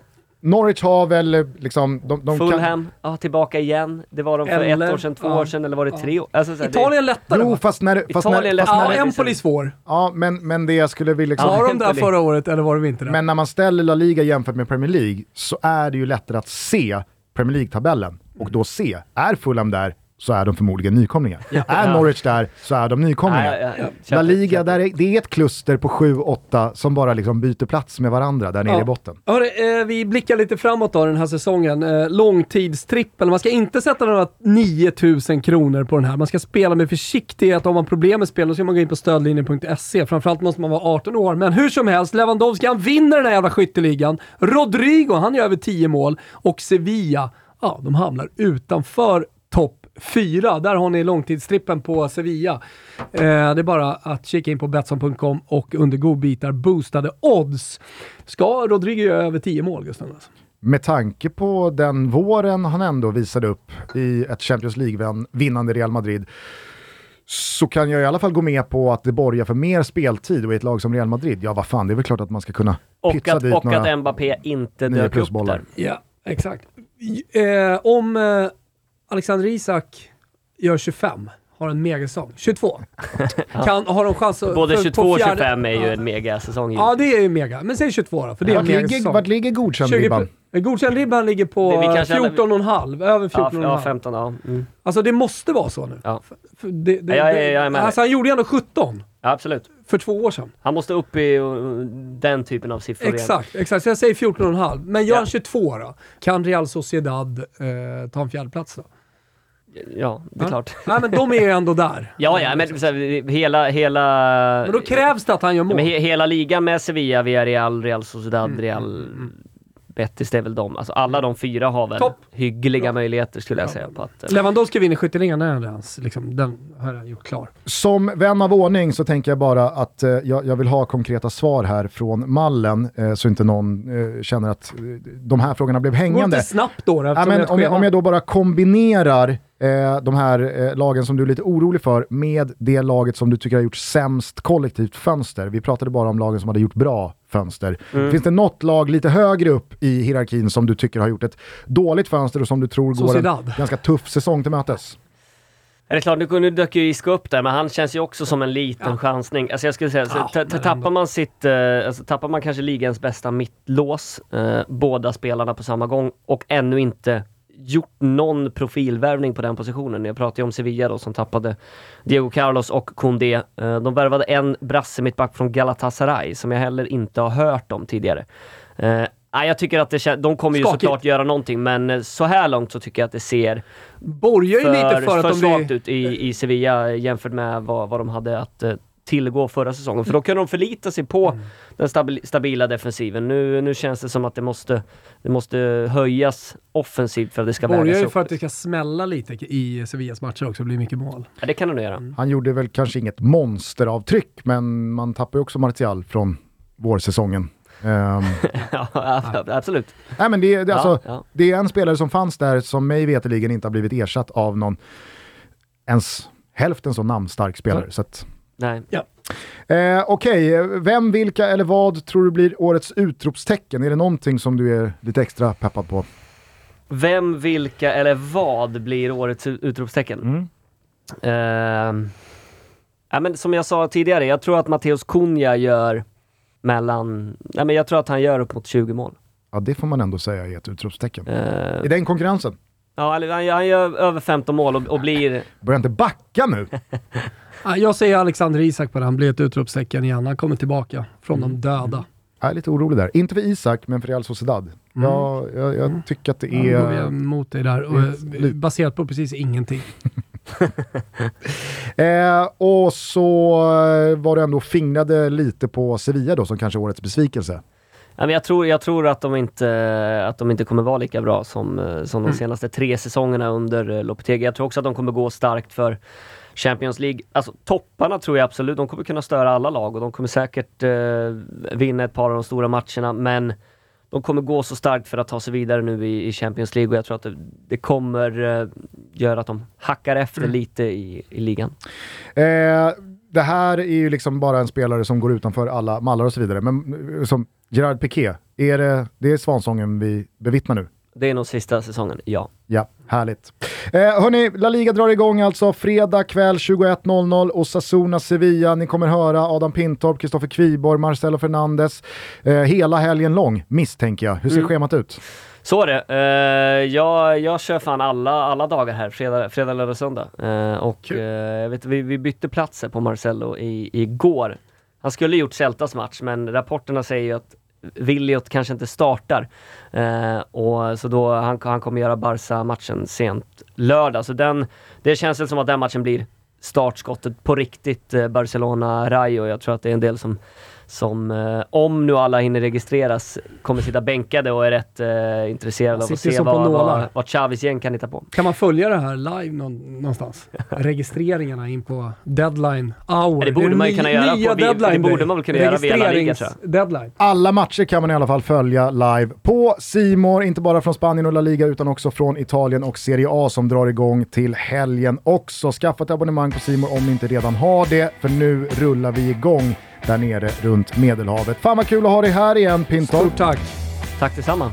Vi hörs och syns eh, snart igen och det gör vi med er lyssnare också. Eh, för nu så ska vi snacka upp eh, säsongens Serie A med Kristoffer Svanemar. Skitkul. Ciao! Ciao! London calling to the faraway towns Now war is declared and battle come down London calling to the underworld Come out of the cupboard you boys and girls. London calling, now don't look to us. Phony Beatlemania has bitten the dust. London calling, see we ain't got no swing except for the rain and the truncheon thing. The ice is coming, the sun's zooming in. Meltdown expected, the wheat is going thin. Engines stop running, but I have no fear, cause London is drowning. I to the imitation zone. Forget it, brother, you can go it alone. London calling to the zombies of death. Quit holding out and draw another breath. London calling, and I don't wanna shout. But while we were talking, I saw you nodding out. London calling, see we ain't got no hide, except for that one with the yellowy eyes. The ice is coming, the sun's zooming in, engines stop running, the wheat is going thick, a nuclear error. But I have no fear, cause London is drowning. I, I live by the river.